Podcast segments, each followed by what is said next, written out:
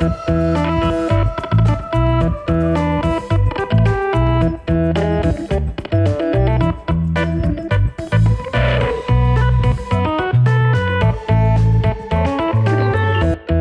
Hallo, goedemorgen, goedemiddag, goedenavond of wanneer je dit ook luistert. En welkom bij de Brief, de podcast over content marketing en media. Vandaag is het maandag, het is 11 mei. Het waait als een gierende gek hier buiten. Het is tijd voor nummerotje 25 alweer, aflevering nummer 25 van Briefly, onze thuiswerkerseditie. Aan de andere kant van de lijn, ook op deze nieuwe maandag, ook op die dag dat de kinderopvang weer open ging, mijn waarde vriend en collega Matthijs Tielman. Yes, eindelijk geen intermezzo's hè, in deze aflevering. Geen intermezzo's, maar jij vertelde mij net uh, gedurende onze korte voorbereiding dat jij binnen uh, 29 minuten uh, richting de opvang moet om jouw zoontje op te halen. Dus we hebben 29 minuten om vol te praten. Eh, dat gaat helemaal lukken. Dus we vliegen er gewoon in. Wat is je thuiswerkfrustratie? Ik dacht dat ik vandaag mijn hele achterstand van de afgelopen twee maanden kon wegwerken, maar dat is niet gelukt. Ja. Maar daarbij zeggende moet ik wel zeggen, ik ben wel echt moeilijk productief geweest vandaag voor mijn gevoel. Ik heb echt zoveel gedaan. Dus dat, uh, ja. dat goed. Dus uh, nog één of twee van dit soort dagjes en dan, uh, dan zijn we er weer, denk ik. Hoop ik. Ben je er weer bij? Ik hoop het. Tof. Ik, ik heb zelf dat ik mezelf af en toe betrap op een soort quasi-melancholisch gevoel. Dat ik nu al baal van alle dingen die ik niet heb gedaan in coronatijd. Snap voorbeelden. Je, snap je dan wat ik bedoel of niet? Ja, ja, voorbeelden. Nou, dat ik... Nou, dat ik, uh, zeg maar, dat, dat nu de hele boel heel langzaamaan weer op gang komt. Uh, dat ik uh, een beetje op een hele vreemde manier al heimwee heb naar het begin. Toen je eigenlijk nog best wel veel tijd leek te hebben voor uh, cursusjes en dingen. En dat is natuurlijk allemaal slap gelul, want die tijd en die energie had je helemaal niet. Want je, ja, je, je, was veel te moe van opvoeden en dingen doen. Alleen ik heb nu een beetje, ja, af en toe dan denk ik, hoe had ik niet meer dit moeten doen of dat moeten doen? Of had ik uh, niet minder moeten PlayStation en iets meer dit? Had ik dan geen stappen of sprongen vooruit kunnen zetten gedurende deze periode. Uh, een beetje op dezelfde manier denk ik af en toe met heimwee terug naar mijn uh, studententijd. Waarin ik alleen maar heb zitten lantefanteren en dat ik af en toe kan denken, god, als ik toen toch de wit had gehad en de drive die ik nu heb, dan uh, reed ik nu in een Bentley Continental. Uh, maar dat is een beetje mijn frustratie, dat ik op een hele vreemde manier nu al uh, besef wat voor vreemde periode het was of zo. Beetje gemijmer. Um, had jij nog thuiswerkfrustraties binnen gehad van uh, waarde luisteraars? Uh, ik moet eerlijk toegeven dat ik niet actief heb gezocht, maar ik heb niks uh, via de push binnengekregen. Dus nee. nee ik, ik, heb naar de hashtag gekeken. Via de hashtag was ook niks, niks binnengekomen. Dus mocht je nou zitten te luisteren en denken: ik heb ook een thuiswerkfrustratie en die wil ik. Uh, ook in de hopelijk blessuretijd van deze thuiswerkperiode. Uh, ook nog eventjes aan jullie tegen jullie aanhouden. Uh, dan kan je die delen via hashtag thuiswerkfrustratie. Of via de DM op Twitter of LinkedIn. En dan um, beantwoorden we die of dan lezen we die op eigenlijk. We bieden verder geen oplossingen. garantie tot de voordeur. Hey Matt, de beste content die je hebt gelezen, gezien, geroken, gevoeld. Dus noem het eens, wat, wat, is, wat heb je voor moois? Nou, ik had een beetje hetzelfde als jij, een soort schuldgevoel van gamen. Dus ik heb mezelf de regel opgelegd voor ieder uur dat ik game, moet ik ook een uur lezen. Um, en, dus ik heb een boek uit, Talking to Strangers, van uh, Malcolm Gladwell. En dat, uh, ja, dat is wel een goed boek. Het zet, zet aan tot nadenken. Het is, uh, ja. het is niet zo'n typisch Gladwell boek. Bij, de, bij zijn eerste boeken heb ik, zat ik echt elke keer ademloos te lezen. Van holy shit, wow, dit is, dit is bizar. En hier had ik zoiets van de hele tijd ja, waar, wil je nou naartoe? Wat is nou je punt? En ja, het duurt dus ongeveer het hele boek voordat het duidelijk wordt. En um, ja, het zet wel aan tot nadenken. Het gaat er eigenlijk over dat wij als mens denken dat we heel goed andere mensen kunnen lezen. Maar dat kunnen we helemaal niet. En dat heeft allemaal best wel serieuze gevolgen. Um, en uh, ja, dat, dat legt hij uit op, op wel typisch Gladwelliaanse manier op basis van allerlei onderzoeken van uh, de afgelopen 50 jaar en hoe dat allemaal bij elkaar komt. Dus het is wel echt goed geschreven, leest fijn, uh, interessant. Dus ja, wel echt een, een tip. Was er, was er een specifiek, die, die boeken van Gladwell, daar, daar blijven bij mij altijd twee of drie soort van inzichten of anekdotes uit hangen. Mm -hmm. Is er eentje uit het boek uh, die je nog uh, die je nog helder voor de geest hebt? Nou, hij is nog vers. Ik heb hem gisteravond uitgelezen. Dus, dus ehm, ja, het is opgebouwd aan de hand van vier fundamentele fouten die wij mensen maken. En die vier, ik zal ze niet spoilen. Ehm, ja, dat zijn wel dingen die blijven hangen. Ehm, bijvoorbeeld dat. Wat is dat, nou, de eerste die, die, die wij hebben is dat wij als mens zijn zo succesvol uh, geworden als, als uh, nou, diersoort, om het zo te noemen, omdat wij um, elkaar vertrouwen. En omdat wij dus kunnen, kunnen uitgaan van het goede van het collectief. Uh, maar daarin zit ook meteen een enorme zwakte, namelijk dat als we enige vorm van twijfel hebben, we eigenlijk default geprogrammeerd zijn om uit te gaan van dat mensen goede intenties hebben. En daar kun je dus, kun je dus op inspelen. En um, mede daardoor um, ja, zijn er dus allerlei uh, schandalen mogelijk. En hij omschrijft een heel mooi voorbeeld over spionnen. Um, en wij denken altijd dat spionnen echt geniale mensen zijn die heel stiekem allerlei dingen doen en echt super geslepen zijn. Maar uit, uit allerlei onderzoeken komt naar voren dat spionnen een 9 van de 10 keer helemaal niet zo slim zijn. En dat ze de meeste verhoren wel doorkomen, omdat wij altijd bij enige vorm van twijfel uh, uitgaan van het, uh, van het positieve. Dus dan zal het wel niet zo zijn. Ah, interessant. Ja. Interessant. Tof. Lekker boek. Leuk, leuk, leuk. Um, uh, ja, cool. Ik, uh, ik, uh, wij, we hebben net ontdekt dat ik hem per ongeluk aan jou heb gegeven, want ik dacht dat ik hem zelf wel uit had. dus ik ga hem in retrospect nog een keer lezen. Voor de eerste terug. keer. Ja, vet, vet. Hey, um, ik heb ook nog een beste content. Dat is namelijk dat.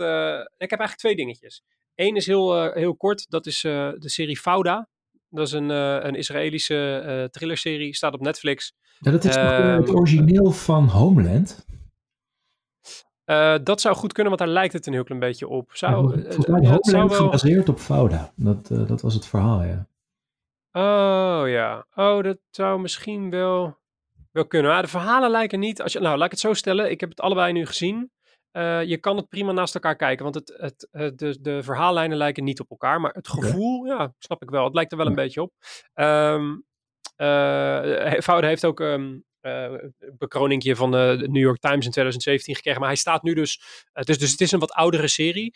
Uh, maar hij staat dus nu op Netflix. En uh, vooral als je ja, houdt van een niet-Engelse series, waar ik wel een beetje een zwak voor heb.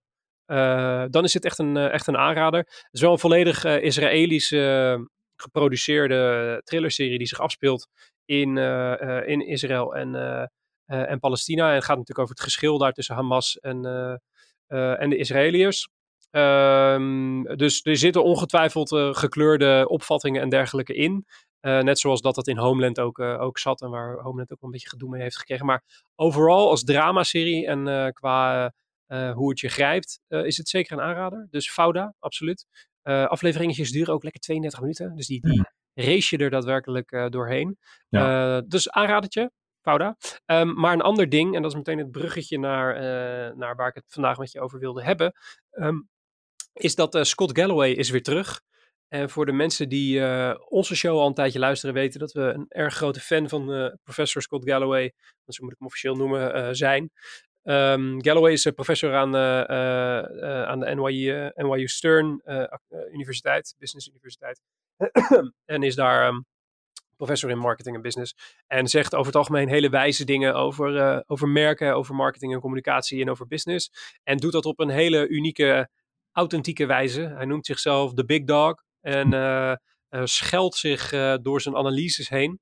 Um, en die, die, had altijd een hele succesvolle YouTube-serie die Winners and Losers heette. En die maakte die namens zijn um, analysefirm L2 Inc., die later weer gekocht is door Gartner. Um, maar die YouTube-serie die stopte uiteindelijk toen uh, meneer Galloway vertrok bij, uh, bij L2 Inc. Uh, maar nu is dus hetzelfde formatje terug en wel op televisie bij Vice TV. waarin meneer Scott Galloway binnen zo'n 20 minuutjes onder de titel No Mercy, No Malice, ook de titel van zijn nieuwe boek is, ja, gewoon de, de, huidige staat van business or, analyseert op een verdomd entertainende wijze. man is extreem goed ingelezen, heeft een super analytisch vermogen en ondersteunt al zijn claims en al zijn schelden met, uh, met inzichten en, en grafieken en, en, cijfers en dingen. Wat het een hele aangename mix maakt tussen inhoud en entertainment. En het leg, hij legt doorgaans hele complexe businessprocessen op een extreem simpele manier uit, zodat iedere boerenlul uh, weet ondergetekende het kan volgen. Um, dus, hoe hij dat doet, jij niet? Ja, 100%. Gewoon echt 100%. het is echt intelligent. Zo... Het is echt, uh, ja. Ja, ja, en ook met heel veel zelfspot, want hij in die, in die YouTube-serie verscheen hij ook uh, met regelmaat verkleed. Uh, soms zonder shirt. Uh, het, is, het is echt een hele grappige guy. Um, hij is overigens ook de co-host van de Recode podcast Pivot. Um, dat doet hij samen met Karen Swisher. Nu, die Swisher die kan ik niet zo, persoonlijk heb ik, kan ik niet zo heel goed hebben. Maar die, Scott Galloway maakt een hoop goed in die serie.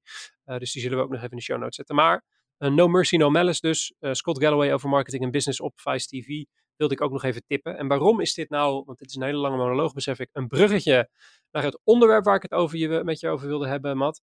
Ehm, eh, dat is namelijk dat meneer uh, Galloway op zijn website een nogal interessant stuk heeft geschreven over de grote vier. En dan hebben we het natuurlijk over Google, Facebook, Amazon en Apple. En eigenlijk ook Netflix, dus het zijn er eigenlijk vijf. Uh, en wat zij doen na de coronatijd, of zijn, zijn voorspellingen na de coronatijd. Ja. Um, Jij bent in dat artikel gedoken, Matt. Um, en uh, we hebben er nog een aantal andere bronnen bij getrokken. Uh, en daar wilden we het eigenlijk uh, deze aflevering over hebben. Het is dus weer een beetje een soort thematische aflevering. Niet drie nieuwsitems, maar gewoon één onderwerp waar we in nu nog twintig minuutjes even wat dieper induiken. Um, maar Matt, wat, geef eens een, een, een, een bloemlezing van dat stuk. Wat staat er? Nou, het ding is dat, dat ja, het is natuurlijk super interessant om te zien hoe deze vier reeds enorme bedrijven uit deze crisis gaan komen. En je ziet dat, dat ze allemaal net een iets andere strategie hebben gevolgd natuurlijk de afgelopen tijd. En dat dat er ook wel waarschijnlijk wel voor gaat zorgen dat ze, dat ze net even wat anders uit, uh, uit deze situatie gaan komen. Um, en laten we dan maar gelijk beginnen. Zoals Facebook is natuurlijk uh, advertentiegedreven business grotendeels. Um, ja, dus die zagen aan het begin van deze crisis dat um, ja, de advertentie-euro's die, die klapten even in elkaar, omdat iedereen natuurlijk gewoon uh, de portemonnee dicht hield. Maar daarentegen ging het traffic op, op al hun kanalen volledig door het dak. Facebook, volgens mij, als ik het goed me herinner, 40% omhoog hebben we in een van de eerdere uitzendingen geroepen.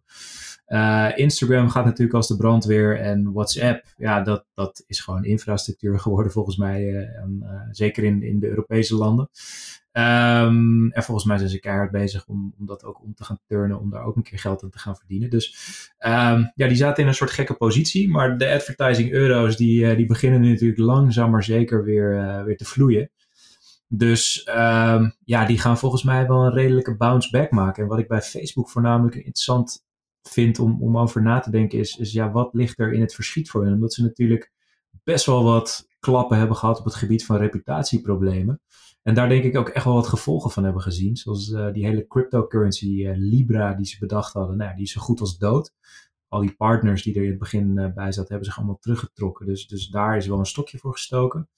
Um, ja, en er komen natuurlijk weer verkiezingen aan. En ik heb persoonlijk niet echt het idee dat ze, dat ze hun shit op orde hebben deze keer. Om te zorgen dat er niet weer een, een oranje Oompa in het Witte Huis komt te zitten.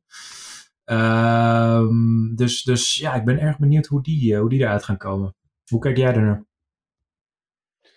Nou ja, het, het, het, uh, het gekke van, uh, van Facebook vind ik dat het ogenschijnlijk en in, in vakmedia heel veel te verduren krijgt. maar in, in, in impact gewoon eigenlijk hetzelfde blijft. Um, en als je de analyses ook leest, die, wordt dat wegvallen van die advertising euro's is gewoon een yo-yo. Want dat, dat, iedereen verliest advertising uh, euro's momenteel. Ja. Uh, van van, van lokale krant tot aan inderdaad een Facebook. maar uiteindelijk op het moment dat iedereen weer kan gaan consumeren, uh, jojoot dat wel weer terug. Zoals het in iedere uh, crisis uh, terug jojoot. Ja. en dan zal Facebook mede door, door de diepe zakken, maar daar zullen we het straks nog wel over hebben, um, nog wel langer over hebben. Kijk, het bijzondere van, van Facebook vind ik wel dat het is eigenlijk een beetje een buitenbeentje ten opzichte van die andere vier, vier dan, hè? Netflix, Google, Amazon en Apple. Uh, En dat komt inderdaad, wat jij zelf net al zegt, door, door uh, uh, toch de publieke missers die ze hebben gemaakt en alle ja, al het lobbygedoe en de, de hearings en dergelijke die ze daardoor op hun nek hebben gekregen. En daardoor zijn ze toch een beetje een buitenbeentje geworden in, in die grote, tussen, in, in het rijtje van die grote vijf. Ik denk alleen wel dat er zit natuurlijk een, een heel groot verschil tussen imago en business. En die, die business van hun is dusdanig gedifferentieerd en groot dat ze wel wat klapjes kunnen krijgen, zeg maar. Ik bedoel, ik, vond, het, ik vond een leuk voorbeeld die... Uh, dat deelde Alexander Klupping en Edson Fout in een podcast over media, volgens mij twee edities geleden. Was dat die, um, die, die, die camera, dat camera-ding wat ze bedacht hadden, dat tablet-ding waarmee je kan video bellen, Facebook, hoe heet dat ding? Ja, kom er ook even niet op nou ja, ik wil zeggen Watch, maar dat is het niet, want dat is die televisiedienst. Maar uh, Portal, zo heet die, Facebook Portal, dat in eerste instantie lanceerden ze dat in dezelfde periode als dat ze uh, zo onder vuur lagen tijdens dat um, schandaal in de US. dat Cambridge Analytica schandaal. En toen zei iedereen, waar zijn jullie in vredesnaam mee bezig met het apparaat? want waarom zouden we in vredesnaam een camera van een partij zoals jullie in ons huis zetten? En inmiddels in coronatijd is dat ding gewoon uitverkocht. Dus in die zin um, toont Facebook wel aan dat ze mede door waarschijnlijk uh, goed lobbyen en hele diepe zakken, die twee liggen natuurlijk dicht bij elkaar, uh, wel wat klappen kunnen krijgen. En, en, uh, en, en daardoor nog ja, niet heel erg wankelen in die zin. Ja, um, ja parallel. Ik, heb, ik stond wel te... Oh, nee, ga verder. Nee, sorry. Nou, ik, waar ik nog wel van stond te kijken was inderdaad dat, die, dat ze toch zo'n groot project als dat, dat Libra, mm -hmm. waarmee ze toch een beetje die, die cryptocurrency trend uh, wilde claimen, dat dat dan mislukt. Daar stond ik wel, eh, waar Facebook wel een handje van heeft, is, uh, is grote dingen lanceren en dat gewoon niet helemaal fatsoenlijk op poten krijgen. Met Facebook Watch is dat een beetje idem dito. Dat, dat werd gelanceerd als zijnde bijna een soort YouTube, een aanval op YouTube slash Netflix. of een beetje een, een dingetje ertussenin. En dat, dat rommelt ook maar door. En en, uh, en, en, Facebook Nieuws, het nieuwsinitiatief, eigenlijk idem dito. Ja. Dus nieuwe dingen kunnen ze gewoon niet zo goed. Kijk, andere partijen kopen weer wel. En, uh, en dat kan je natuurlijk ook doen. Ja, maar, kijk, dat is natuurlijk wel hoe ze, hoe ze hun, nou ja, in ieder geval nabije toekomst helemaal gelokt hebben. Door gewoon twee hele goede acquisities te doen. Namelijk ehm, Instagram en Instagram, WhatsApp. WhatsApp. En ja, dan, dan zit je gewoon weer goed. Uh, maar goed, daar tegenover staan inderdaad net zoveel failures. Maar goed, ze hebben ze, hun, zakken zijn diep genoeg om dat soort failures te doen. Kijk, en, en uh, ja, als van de tien van dat soort experimenten er eentje net zo succesvol wordt als Instagram, ja, dan, uh, dan kan je dat natuurlijk ook doen. Denk jij dat, dat um, ik zat laatst namelijk weer naar Facebook te kijken. Ik heb een, een lurker-accountje, zodat ik een beetje bij kan blijven met nieuwe features. En, en ik, ik betrapte mezelf erop dat ik uh, uh, het wel weer aantrekkelijk vond, een beetje. Qua hoe het eruit zag en, uh, en dergelijke. Denk jij dat, er, dat Facebook wellicht het eerste retro social media network kan worden? Nou. Dus dat je op een gegeven moment gewoon. Kijk, je, wat, je komt natuurlijk in een situatie waarin nieuwe merken op dit gebied. Ja, die zullen niet zo heel makkelijk meer zo, met, met zo'n met zo'n vaart aan de oppervlakte komen. We hebben natuurlijk TikTok gezien. Um, uh, en Snapchat. Maar die weten toch niet helemaal door te breken tot de echte, echte grote grote. Nee. Um, TikTok is misschien een beetje een uitzondering daarin. Maar, maar zo breed geaccepteerd als Facebook uh, ooit was, uh, niet. Mm -hmm. Dus dat zou misschien kunnen dat, dat je daar op een gegeven moment een soort retro-trend gaat zien. Dat, dat we weer terug ernaartoe gaan. Op het moment dat ze het maar nuttig genoeg maken of zo. Of ja, denk, denk je van, joh, ik... Nou, kijk, ik denk dat heel veel mensen uh, nog wel een account hebben, maar gewoon niet zo heel actief meer zijn als, uh, als voorheen. Ik heb het zelf ook. Ik uh, heb een account. Ik kom er nou, twee keer per maand eventjes. Um, maar dan merk je inderdaad wel dat dan zit je en voor je het weet ben je weer, ben je weer 20 minuten verder, omdat je toch weer dat, dat platform ingezogen wordt. Dus ja, het is niet minder effectief, maar ik denk dat zij gewoon ja, echt wel deuken hebben opgelopen door, door die hele privacy issues. En dat waait ook wel weer over. Weet je? Naarmate de tijd verstrijkt, zullen, zullen mensen dat vergeten en daar gewoon weer naartoe gaan. En ze blijven natuurlijk wel innoveren. Uh, dus nee, ik denk dat Facebook voorlopig nog wel hier te stay is. En dat het misschien wat meer uh, niche zal worden. En schijnbaar zijn ook die, uh, die groepen zijn echt mega succesvol. Alleen dat is natuurlijk een feature die veel minder zichtbaar is voor de meeste mensen. Omdat je je er echt heel actief eh, in moet gooien. Dus nee, ik denk dat dat voorlopig nog wel, wel prima gaat met Facebook. Hoeven we ons geen zorgen over te maken. Ja. nee, dat, denk ik, dat denk ik ook niet. Als we kijken naar Apple, dan zie je eigenlijk, of naar, naar Google moet ik zeggen, is ja, parallel beeld eigenlijk. Dat, dat we een, ja, je zag een dip in inkomsten. Ehm, maar die gaan natuurlijk ook ongetwijfeld sterker uit de bus komen. Dus die, uh, die advertentie-euro's die beginnen weer te vloeien. En die vloeien natuurlijk meer, veel meer naar digital. Omdat ja, mensen willen gewoon zekerheid. En, en één ding wat, wat de advertentieplatformen van Google, maar ook van Facebook bieden, is natuurlijk heel inzichtelijk maken in, in de performance van, van hun advertenties. Dus waarschijnlijk zullen die, zullen die echt wel een flinke groei gaan zien ja, van de euro's die voorheen naar de, de, de wat minder goed performance-driven media gingen, dat die nu allemaal naar de, naar de performance platformen komen, waardoor ook hun concurrenten het zwaar hebben. Dus ik ben benieuwd of, of die euro's ooit nog terug gaan vloeien naar, ja, naar de, de, de wat minder performance kanalen. Wat denk jij? En dan met minder performance kanalen bedoel je gewoon de, ja, de, traditionele... de, de prints, de, ja, dat, dat soort dingen. Ja, ik, eh, dat zou, vind, ik moeilijk, uh, vind ik moeilijk in te schatten. In, op welke mate dat weer terug zou kunnen vloeien. Kijk, ik denk dat met name de, die performance gedreven campagnes, die, die worden natuurlijk op schaal ingekocht en geautomatiseerd ingekocht en dergelijke. En daar zijn deze partijen natuurlijk uh, het aller, aller, allerbeste in. Ja. Um, ik geloof er wel in dat naarmate advertenties veel vaker overal en overal te zien gaan zijn. En, en de, de, vooral de mate waarin mensen, zeg maar de consument met dagelijkse basis wordt overvloeid met informatie. Dat uh, opvallen um, en relevant zijn en boodschappen maken als merk zijn die relevant zijn, vele malen groter en belangrijker zijn dan zichtbaarheid dan alleen. Snap je? Mm zichtbaarheid en ook getargete zichtbaarheid is straks gewoon een commodity. Omdat het, op, het, het wordt zo uh, breed aangeboden door dit soort partijen dat je. Ja, dat is niet zo heel moeilijk om een, om een uiting via Facebook of Google weg te schieten die zichtbaar is bij, je doel, bij een doelgroep die je scherp definieert. Dat, ja, dat kan iedereen. Alleen uh, een bepaalde snaar raken en impact maken en relevant zijn, ja, dat vergt toch wel. Uh, ja, laat ik het zo zeggen. Ik denk dat je dat uh, in veel gevallen beter kan doen bij bijvoorbeeld een lokale publisher of een niche kanaal of een eigen kanaal, uh, dan dat je dat per se via hen doet. Mm-hmm. Waar iedereen te zien is. Snap je, snap je een beetje wat ik bedoel? Kijk, ik heb natuurlijk niet het alwetende antwoord. uh, en ik spreek hier ook echt uh, puur op, op persoonlijke titel.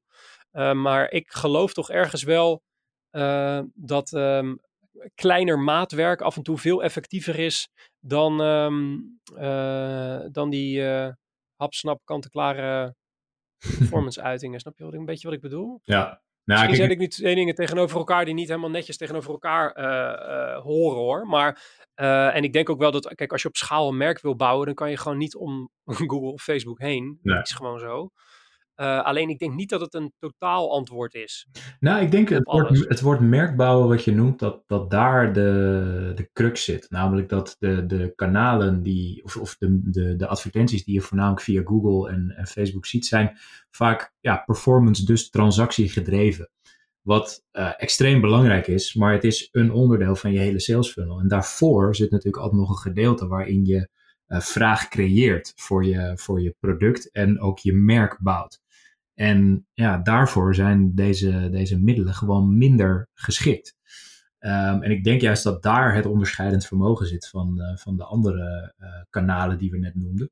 Om je merk op te bouwen. Weet je, dus de, ja, ik las ooit een, een artikel op de correspondent en daarmee werd uh, ja, Google AdWords werd vergeleken met, met flyeren voor de deur van een pizza-restaurant. Weet je, je deelt een flyer uit waar mensen zijn al een soort van onderweg naar, naar het kopen van een pizza of, of in de buurt ze hebben al een soort van intentie om dat te doen. En ja, zorg dat je daar bent op de juiste plek op het juiste moment.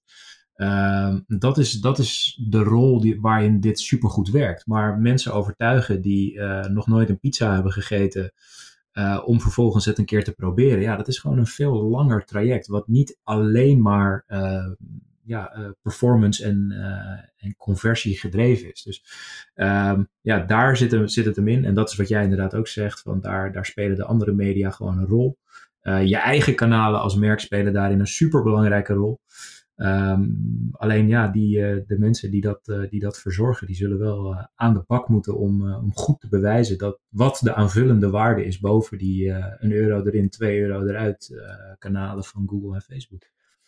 Ja, ja. En, en ik denk ook wel dat je, kijk, als, als, als iedereen naar links zwemt, dan valt er rechts heus nog wel wat te halen. Zeg maar in die zin dat je uh, het zou mij niet verbazen dat uh, partijen die nu heel stevig gaan investeren, juist in, nou laten we het even zeggen, verdiepende mediavormen, dat die nog wel eens um, als winnaar uit de bus zouden kunnen komen later on. Als je het vergelijkt met Apple, om maar, om ja. inderdaad maar door te gaan naar de volgende partij, die, um, die investeerde rond de eeuwwisseling massaal in winkels winkels openen. Ja. Terwijl iedereen in de markt riep, winkels zijn dood, iedereen gaat naar het internet, iedereen koopt via uh, webshops. Koop, uh, doe nou alsjeblieft geen uh, winkels openen.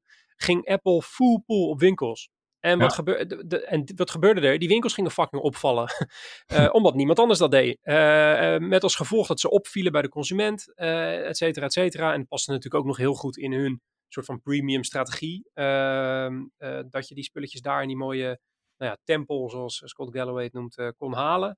Um, dus een soort van contrabeweging die tegen de stroming van een uh, performance-driven uh, Facebook en Google wereld ingaat. Ja, die, daar, daar zie ik ook nog wel hel in. Ja. Ergens. Maar Apple, ja. wat, wat, is, ja. wat is de two cents daarop? Ik denk dat Apple uh, in een soort uh, versnelling terecht is gekomen van hoe de toekomst eruit gaat zien. Uh, kijk, Apple domineert natuurlijk al gewoon op het gebied van, van telefoons. Daar, daar zit niet heel veel groei meer in in hardware. Maar dat hebben ze gewoon goed gedaan. En nu zie je dat ja, de, de, de focus zit gewoon op services. Uh, afgelopen, uh, wat is het? Volgens mij eind april werden de cijfers bekendgemaakt dat uh, eh, 13,3 miljard dollar is omgezet puur op services. Dus dan heb je het over iCloud, Apple TV, Apple Music, de game dienst Arcade en Apple Care. Dus ook de verzekeringsproducten die ze hebben. En dan zie je dus waar Apple naartoe aan het bewegen is. En die hebben zelf ook wel door van, nou, punt 1, groeit die hardware-markt niet echt meer. En twee, kijk, mensen hebben zo'n ding in hun zak. Ehm, dus willen wij ook ja, gaan controleren. Of in ieder geval uh, dat ze spulletjes van ons gaan afnemen op die apparaten. En uh, ja, als je die groeicijfers ziet, volgens mij is het 17% gegroeid ten opzichte van vorig jaar. Dus dat, uh, dat gaat wel heel hard die kant op. En als ze dit echt goed voor elkaar krijgen, ja, dan, dan worden ze onverslaanbaar. Dan controleren ze zowel de hardware als de software. Nou ja, dat, dat is Facebook en Google allebei nog niet gelukt. Google deels met Android, maar, maar ja, niet op zo'n zo'n manier. Plus het feit dat Apple heeft gewoon de, de wat rijkere klanten. Uh, dus dat zijn gewoon in, in het algemeen mensen die wat welvarender zijn.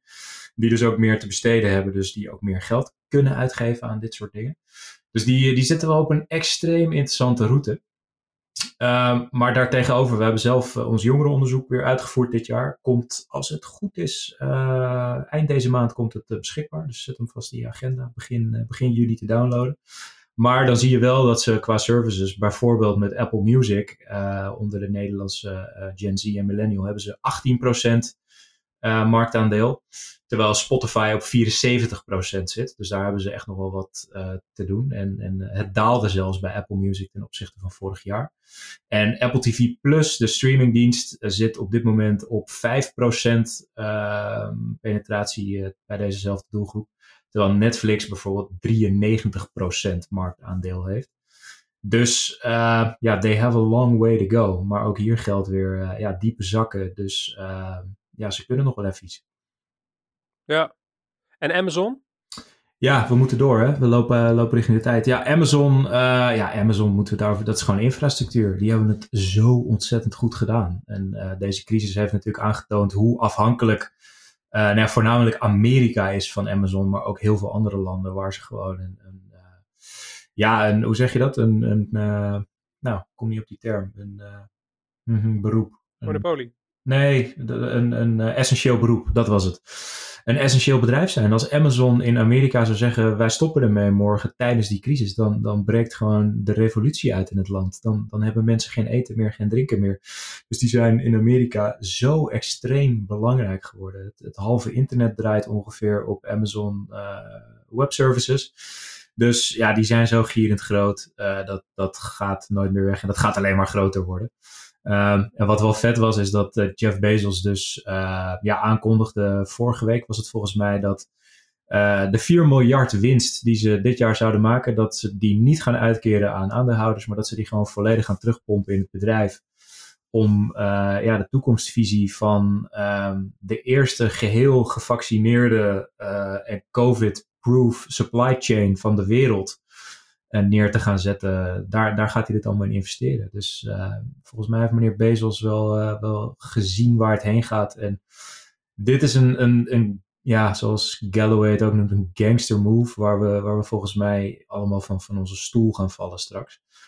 Want hij gaat ja. in principe de, de Amerikaanse overheid buitenspel zetten hier. Um, ja, okay, ja en, en ook zijn concurrenten. Hè? Ik bedoel, het, ja. is, het is heel, het is PR-wise natuurlijk mega slim dat je zegt we gaan investeren in de gevolgen van COVID. Dat klinkt helemaal nobel allemaal, maar volgens mij wat hij natuurlijk aan het doen is, is zorgen dat hij uh, die sprint naar de volgende eindstreep gewoon gaat winnen. Uh, want ieder bedrijf moet hiervan gaan herstellen. Ieder bedrijf moet, moet uh, in zijn bedrijf bepaalde wijzigingen doorvoeren, waardoor zijn bedrijf weer operationeel kan zijn straks in een nieuwe wereld. En die Bezos ja. heeft gewoon heel slim bedacht, zo, hoe sneller ik dat voor elkaar krijg, uh, hoe sneller ik uh, uh, op schaal operationeel ben en blijf, ja. hoe sneller mensen shit bij me kunnen afnemen. Dus ehm, het ja, is gewoon een, een, een, een, race naar. Wat denk je van een COVID-testje voor alle? Wat denk je van een COVID-testje voor alle Amazon Prime members? Voordat alle andere mensen. Ja, ja, ja. Het, ja, het is bizar.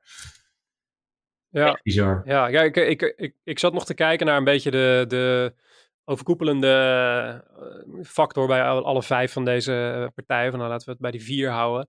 En uh, Scott Galloway had in dat stuk wel een interessante vergelijking staan als het gaat om hoeveel cash deze bedrijven hebben. Als je kijkt naar alle vier de bedrijven hebben mega veel geld in huis. Dus niet geïnvesteerd of iets, maar gewoon letterlijk on hand. Als je kijkt naar Google, die hebben 120 miljard dollar cash. Dat betekent dat je Boeing en Airbus kan kopen. Dus niet één vliegtuig, maar gewoon de hele, de hele lucht eigenlijk. Um, als je, precies, uh, als je de, de, de, de, de cash stash van uh, Apple en Google zou combineren, dan kunnen ze alle cryptocurrencies van de wereld kopen. Uh, en elk team uit de NBA.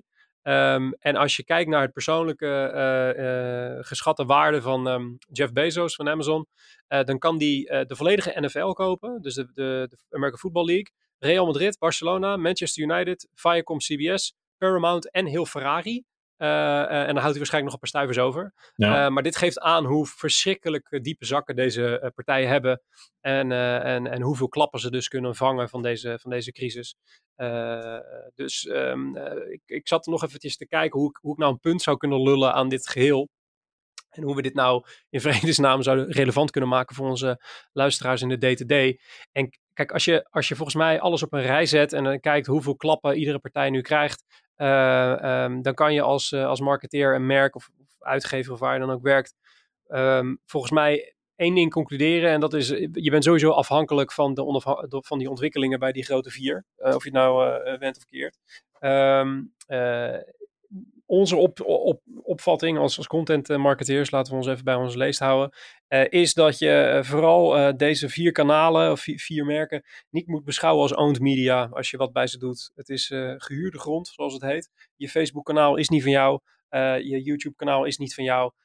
je Amazon webshop is niet van jou. Het is allemaal van iemand anders. Dus beschouw het ook als zodanig. Stop niet al je eieren in dat mandje. En, en hou er altijd rekening mee dat je nog ergens uh, eigen grond moet hebben, een eigen, plot, een eigen platform, een eigen website, een eigen kanaal, uh, waar je een directe relatie met je eindgebruiker beheert.